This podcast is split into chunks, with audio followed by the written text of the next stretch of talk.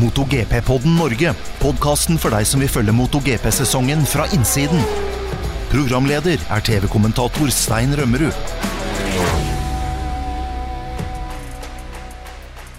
Velkommen til nok en episode i MotoGP-podden Norge. Dette er årets andre episode av podkasten fra innsiden av MotoGP-sirkuset. Det nærmer seg sesongstart, og dermed er det også duket for årets eh, siste MotoGP-test før den første VM-runden. Denne helgen er det nemlig duket for test på Portimao-banen i Portugal. Alle team og 22 førere er på plass for å gjøre siste gjennomkjøring foran sesongstarten. Og vi får også selvfølgelig se de siste nyhetene fra de ulike fabrikkene, så vi gleder oss. Det blir en massiv eh, testseanse. Åtte timer skal kjøres på lørdag og åtte timer på søndag. Og jeg eh, tør ikke spå noe utfall av dette. Vi skal følge selvfølgelig rundetidene etter hvert som de kommer.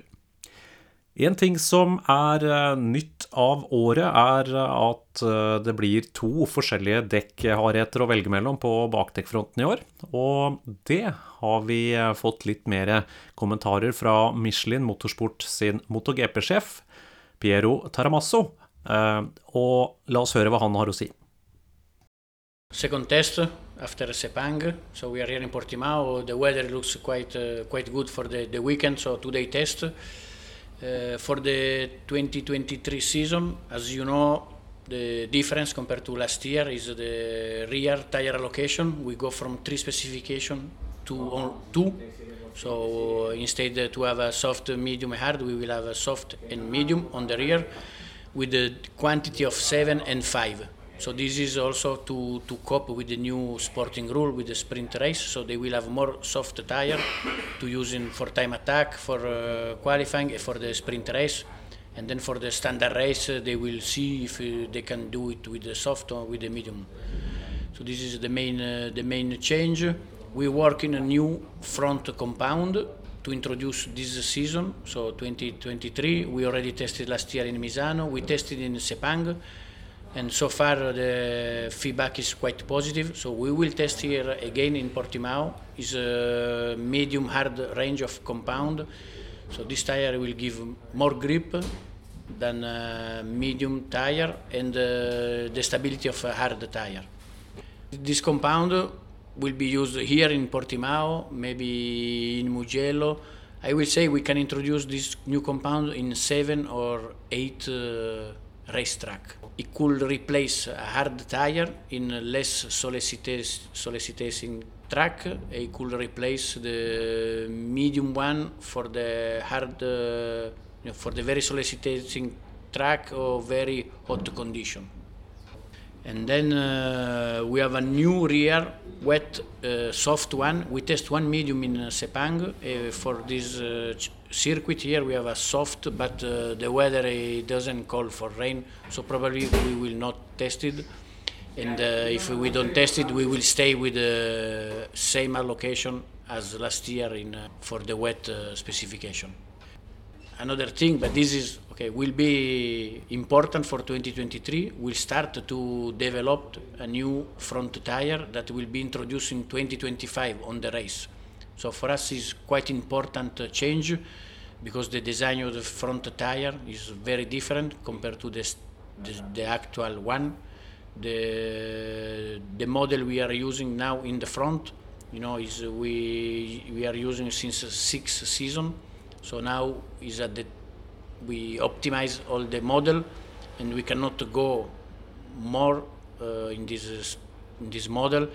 The bike they change a lot. They put a much more effort in the front with the big brakes with the winglet aerodynamics and the front the device so the front tire is stressed more and more.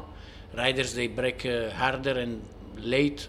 So we need to change this model and this is the we will start this work this season. We will have a prototype ready for uh, May, June, and then the factory test rider they will start to test. And we hope to propose this tire by the end of this season or beginning of 2024 for the uh, test of the official rider.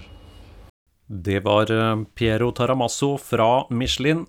Sju soft bakdekk, fem medium bakdekk er det førerne kan velge mellom i årets sesong, altså. Det blir jo Litt mer utfordrende selvfølgelig med de nye sprintløpene som skal kjøres hver lørdag gjennom VM-sesongen. Det har også kommet en nyhet fra FIM, det internasjonale motorsykkelforbundet, i dag. De har sendt ut en eh, pressemelding med noen mindre revisjoner av GP-regelverket for 2023. Den største endringen det er at eh, turtallsgrensa i Moto 2-klassen blir heva. Eh, den nyeste Triumph 765-motoren den får nå lov til å varves til 14 400 omdreininger. I fjor var det 14 000. Det bør gi en litt høyere toppfart, men det bør også Eh, gjøre at eh, førerne kanskje kan holde ett gir litt lenger på noen utganger av svinger og andre kombinasjoner. Kan gi litt bedre rundetider, det.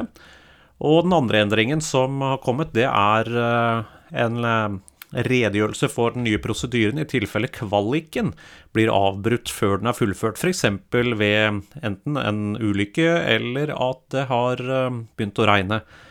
Det er ganske enkelt at hvis 50% av økta er fullført, så blir resultatene tellende.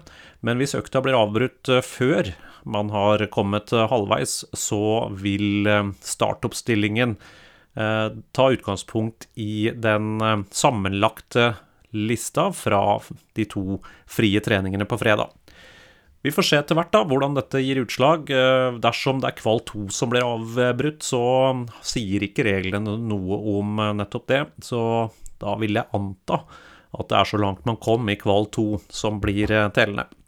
Men hvis det kommer noen revideringer på det, så får vi heller komme tilbake til det senere. Det var det vi hadde for denne gang. Det ble en litt kortere episode enn det vi pleier å ha.